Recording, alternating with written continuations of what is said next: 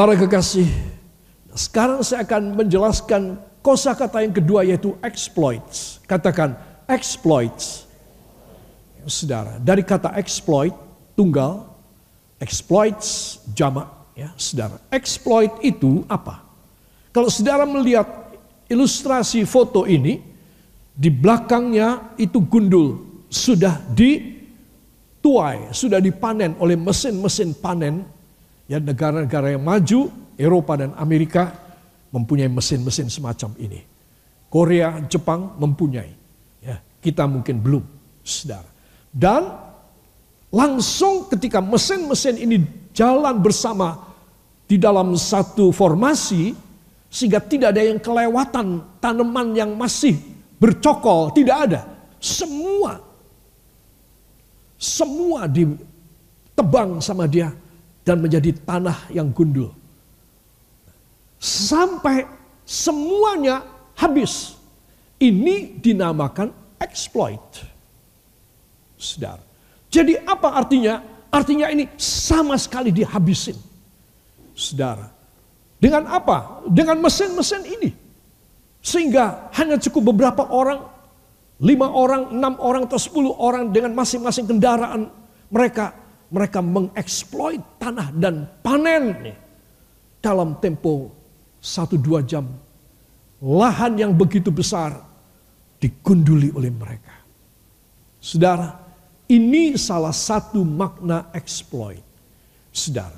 Nah, jadi exploit ini juga bisa berarti ketika seseorang atau satu negara atau satu perusahaan mendapatkan sumber air atau sumber minyak atau sumber gas atau sumber termal magma bumi atau sumber emas, tembaga, perak, titanium, nikel, saudara. Nah, kemudian digalilah kemudian dieksplor, maka terjadi eksploitasi, eksploitasi. Dikeduk semuanya, emasnya diambil dan diolah, dijual. Saudara, ini exploit. Dan bukan cuma sedikit. Lalu dia sedikit terus dia bosan. Ah, aku mau ganti usaha yang lain. Itu bukan exploit.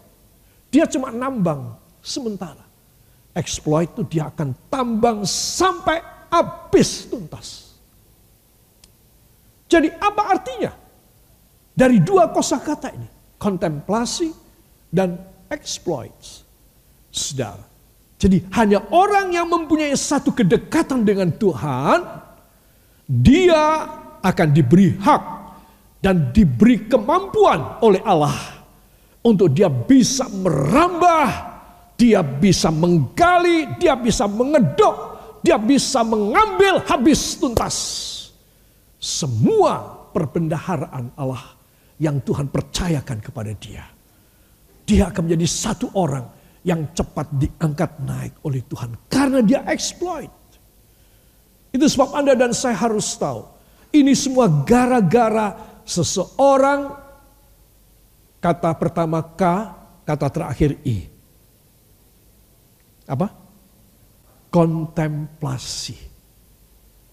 Gara-gara seseorang mengadakan satu kontemplasi, maka dia boleh dengan gagah, katakan dengan gagah, percaya diri, merambah, memperjuangkan agar jadi manfaat bagi orang ini. Orang ini harusnya saya. Yang setuju beri tepuk tangan bagi dia. Haleluya. Jadi exploit itu artinya kita ini merambah dengan perkasa, dengan berani, dengan pede sekali. Walaupun kita tidak mampu sebenarnya, jangan lupa apa yang saya khotbahkan pada hari Rabu minggu kemarin tentang Daud. Ada kemampuan enggak orang ini? Tujuh saudaranya. Semua jadi tentara kerajaan. Badannya hebat-hebat semua. Cakep saudara. Sampai anak yang pertama, Eliab, lewat Samuel berkata dalam hati, aduh cakepnya anak ini, gagah sekali. Ini pasti akan dipilih oleh Tuhan. Dia sudah siap-siap mengambil tabung minyak urapannya untuk mengurapi anak nomor satu yang cakep ini. Tuhan bilang, jangan. Jangan melihat rupa dan muka orang. Manusia melihat wajahnya. Tetapi aku melihat hatinya. Tuhan melihat apa? Hatinya. Tuhan bilang dalam hatinya Samuel. Samuel menarik kembali. Lewat, kamu boleh lewat. Sampai tujuh anak. Gak ada yang dipilih. Dan dia bertanya, Pak Isai, apakah ini semua anakmu? Oh ada satu lagi paling kecil. Tapi dia di padang sedang menggembala. Nabi Samuel berkata, kita tidak akan duduk di meja makan dan makan bersama malam ini. Kalau engkau tidak panggil anak itu. Sudah. Dan akhirnya Daud dipanggil. Belum pernah Daud pulang sedini itu, seawal itu, segasi itu. Dia dipanggil. Samuel mengatakan, Daud kamu berjalan di mukaku. Dan ketika sampai di depan Tuhan berkata, stop dia. Ini yang aku pilih. Coba. Saudara, Samuel ngambil tanduk domba yang berisi minyak urapan. Dan dia berkata, berlutut. Daud, karena Tuhan mulai saat ini mengurapi engkau menjadi titik-titik. Jadi apa? Menjadi raja. Coba bayangin, sudah. Heran. Kalau saudara merasa minder wardah, saudara merasa tidak pede dengan kemampuan saudara. Saudara engkau mempunyai Allah yang dahsyat. Yang melihat sampai tembus dalam hatimu. Sampai tembus dalam pikiran otakmu. Itu sebab saya dan saudara mempunyai Tuhan yang tidak main-main. Hebatnya, dahsyat. Saya berharap supaya kita dalam sisa umur hidup ini betul-betul mempunyai satu kontemplasi dengan Dia, supaya kita memperindah, mempercantik rohani kita. Katakan, saya harus memperindah,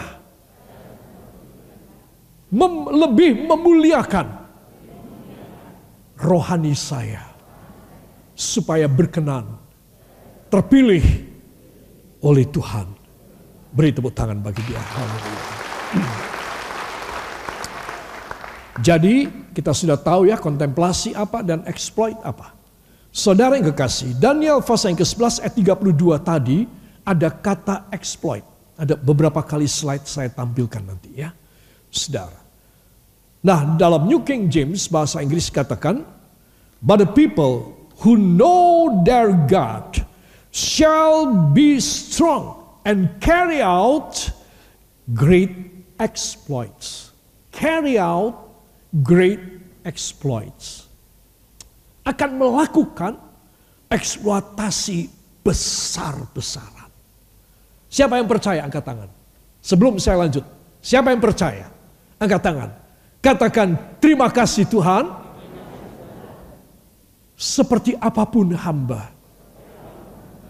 Kemustahilan hamba hamba pegang perjanjian ini.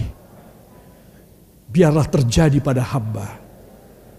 Roh Kudus membantu hamba untuk menerimanya dalam nama Yesus. Angkat dua tangan ucapkan terima kasih engkau yang percaya. Terima kasih Bapa. Terima kasih Yesus. Terima kasih Roh Kudus. Beri tepuk tangan bagi dia. Haleluya. Saudara, tetapi umat yang mengenal, ya saudara, yang mengenal akan Allahnya, who know their God, yang mengenal Allahnya. Dari mana mengenal? Dari kontemplasi, saudara. Dari persekutuan pribadinya, saudara. Apa yang terjadi? Saudara katakan, shall be strong. Satu katakan, pertama-tama, saya akan menjadi kuat. Kedua, saya akan eksploitasi yang besar. Saudara, ini tidak main-main. Kalau saudara bisa percaya pada firman, Kalau ini terjadi sama saudara, saudara engkau cuma melongo aja. Engkau akan sangat-sangat keheranan. Bukan cuma surprise lagi. Engkau merasa sangat dahsyat perbuatan Allah. Karena aku tidak bisa. Aku tidak punya. Aku tidak mungkin, tidak mampu. Entoh Tuhan kasih sama aku. Itu engkau bisa pingsan. Saudara. Itu sebab Anda dan saya harus tahu. Kalau saya dan saudara pegang perjanjian Tuhan, hal yang mustahil, tidak mustahil. Segala sesuatu yang jauh dari luar jangkauan Anda dan saya. Gak mungkin deh. Bumi ini runtuh juga tetap tidak mungkin. Jangan berkata begitu lagi. Kalau engkau percaya kepada firman, tidak ada yang mustahil. Sebab anak-anak Tuhan perhatikan. Apa yang Tuhan mau bicara sekarang kepada kita. Supaya kita punya satu hidup kontemplasi. Dan kita pasti exploit. Katakan, bila saya ada kontemplasi, saya pasti exploit. Dalam nama Yesus. Amin. Sehingga terjemahannya, kita akan baca. Satu, dua. Tetapi umat yang mengenal Allahnya akan menjadi kuat dan akan melakukan eksploitasi-eksploitasi besar. Satu, dua. Tetapi umat yang mengenal Allahnya akan menjadi kuat dan akan melakukan eksploitasi-eksploitasi besar. Amin. Wow. Mau bilang apa? Anda dan saya tidak bisa bilang apa-apa. Kalau Tuhan berkehendak terjadi demikian, engkau akan sangat keheranan. Saudara, itulah yang disebutkan bahwa Tuhan menjamin anak-anaknya. Sebelum dia meninggal, Tuhan membuat perkara-perkara terobosan, breakthrough that you never imagined it does and it happened in your life. It's very surprisingly, amazingly. But this fantastic will be done in your life as far as you receive Jesus Christ, firstly.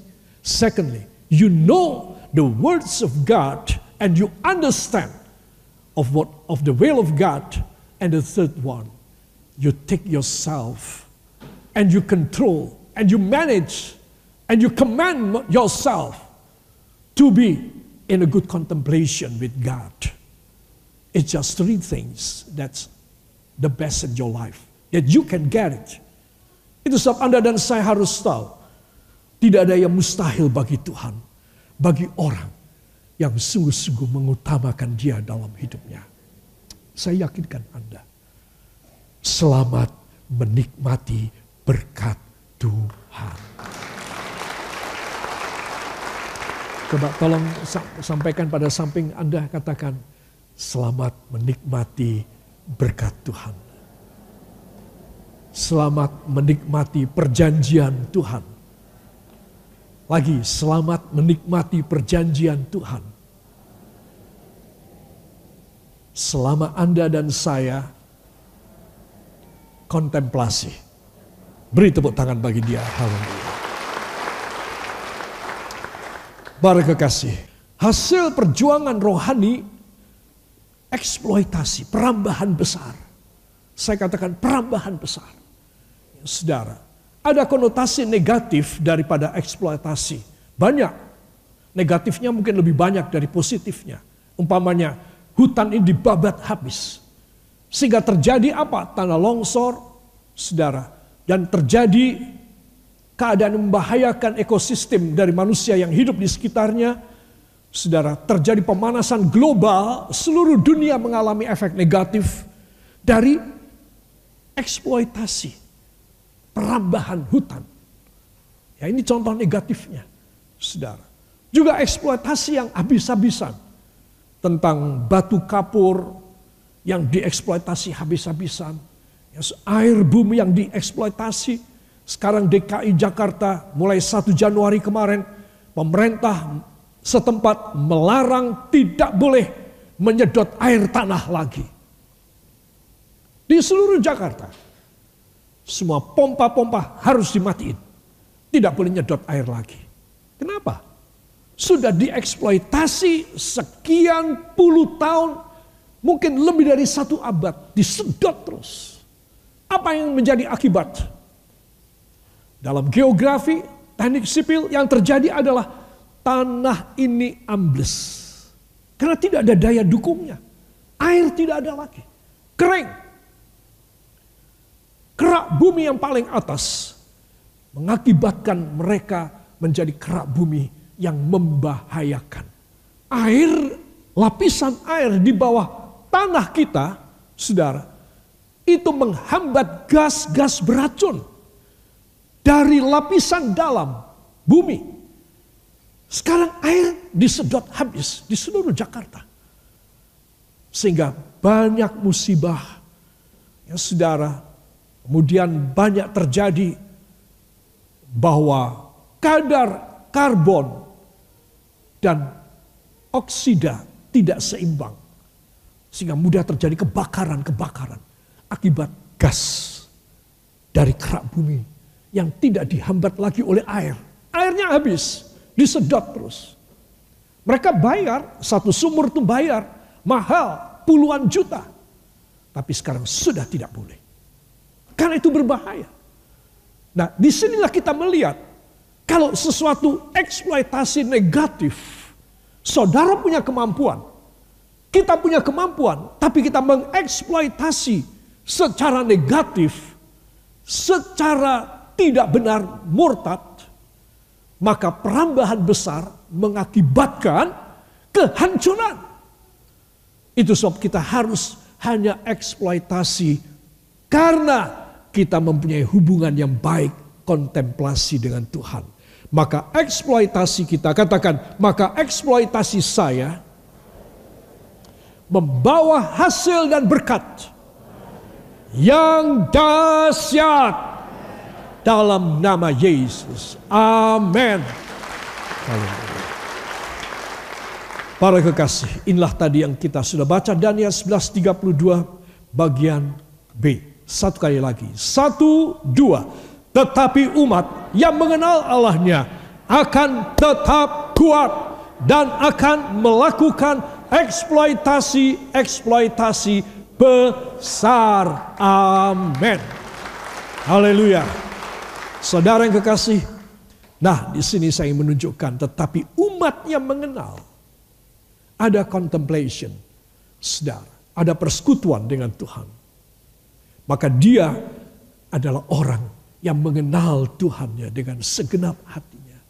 Saudara, dia apa-apa nomor satukan Tuhan di dalam hidupnya ketika semua running well, semua baik, dan juga ketika semua tidak baik, sama. Tapi banyak orang Kristen yang bermuka dua. Ketika dia tidak baik, dia dekat dengan Tuhan. Ketika Tuhan sudah jawab, semua jadi baik, dia jauh dari Tuhan. Ini muka dua. Belum lagi kalau ditambah lidahnya bercabang. Lebih cilaka. Itu sebab Anda dan saya harus tahu. Seorang anak Tuhan dia harus dari dalam dasar hatinya, pikirannya sudah beres berkenan kepada Tuhan. Mau demikian? Yang mau angkat tangan kanan, taruh tangan kiri pada jantung saudara.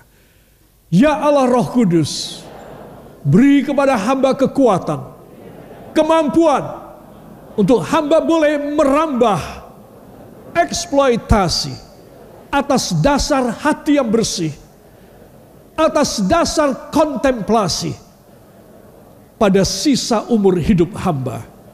Maka hamba akan meraih exploits begitu banyak perkara-perkara ilahi dan jasmani pada sisa umur hamba. Dalam nama Yesus, dalam nama Yesus terjadi demikian. Amin. Haleluya. Saudara, ini dahsyat. Katakan ini dahsyat. Ya, ini dahsyat. Saudara, kalau saya tanya apa dahsyatnya? Jawabannya adalah kalau saya kontemplasi, maka saya akan exploit. Ya, saya mau tanya, saya mau menguji, saya sudah kasih tahu kuncinya lebih dulu. Ini dahsyat. Kenapa? Kok dahsyat? Kalau saya kontemplasi, maka saya akan exploit.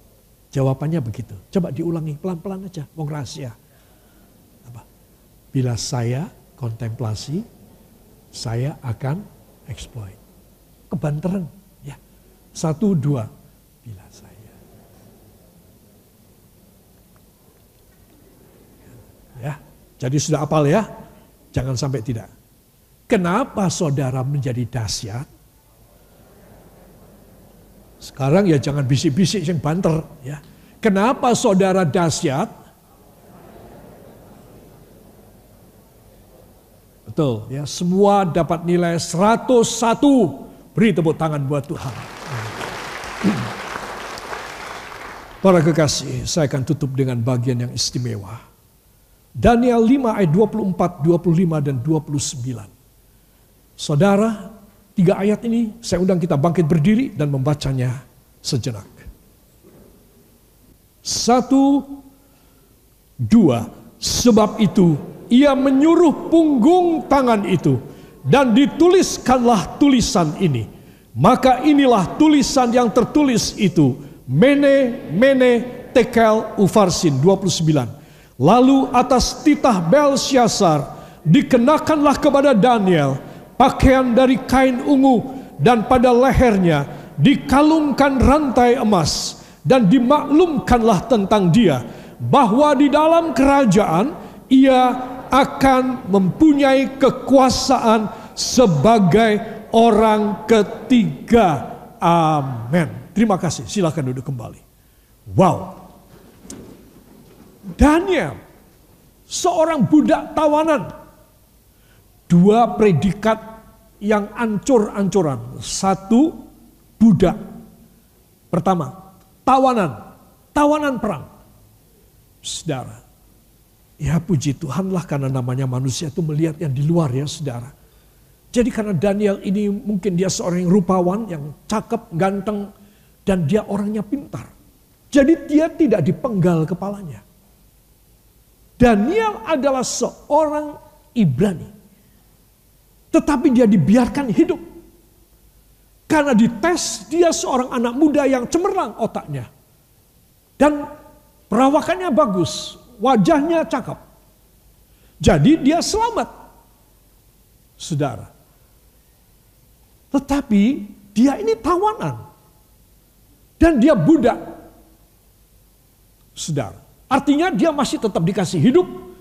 Tapi dia harus 100% serahkan diri kepada raja yang menjajah. Karena dia dibawa pergi ke negara raja ini. Saudara yang kekasih, tetapi di sini kita melihat ketika satu saat Raja Belshazzar dengan seribu orang menterinya. Bayangin betapa besar dan dahsyat kekuasaan daripada Raja Belshazzar ini.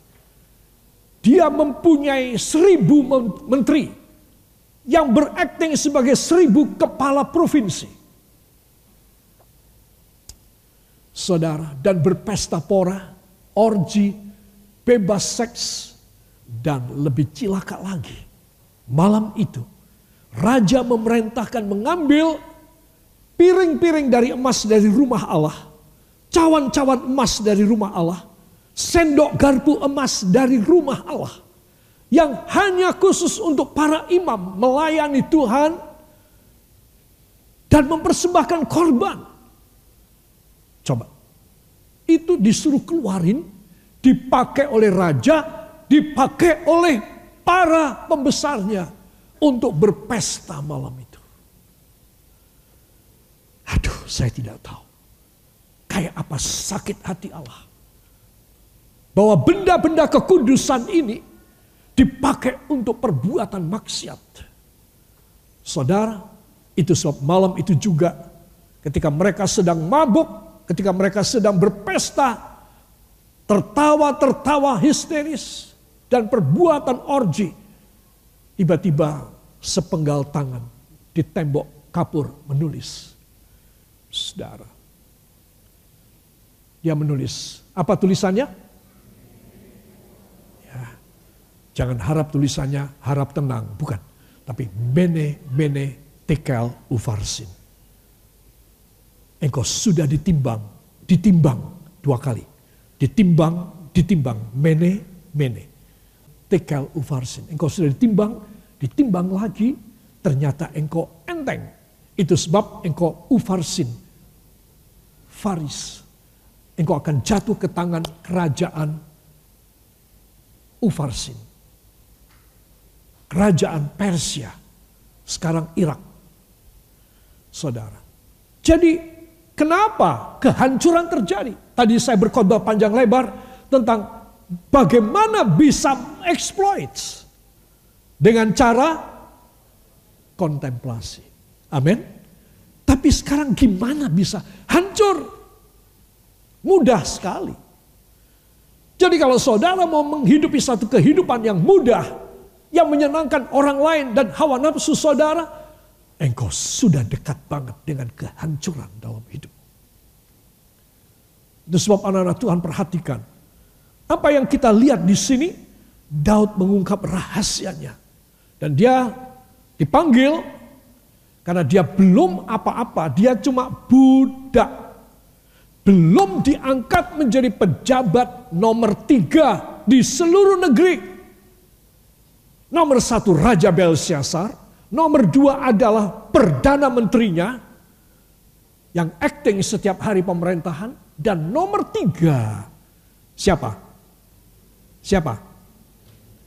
Daniel. Yang harusnya budak, gak mungkin orang asing, bangsa yang dijajah menjadi pembesar nomor tiga. Wow, gak mungkin. Semua katakan tetapi ini tetapinya ini dahsyat sekali. Karena Daniel seorang yang mempunyai contemplation yang luar biasa dengan Allah. Saudara, maka bagi Tuhan tidak ada yang mustahil. Saya mau tanya, bisa apa tidak? Saudara berkata, itu Daniel. Tetapi bagaimana dengan Anda? Saya mau tanya, bisa apa tidak terjadi pada kita? Nah, lemes kan? Antara bisa dan ora bisa. Bisa apa tidak?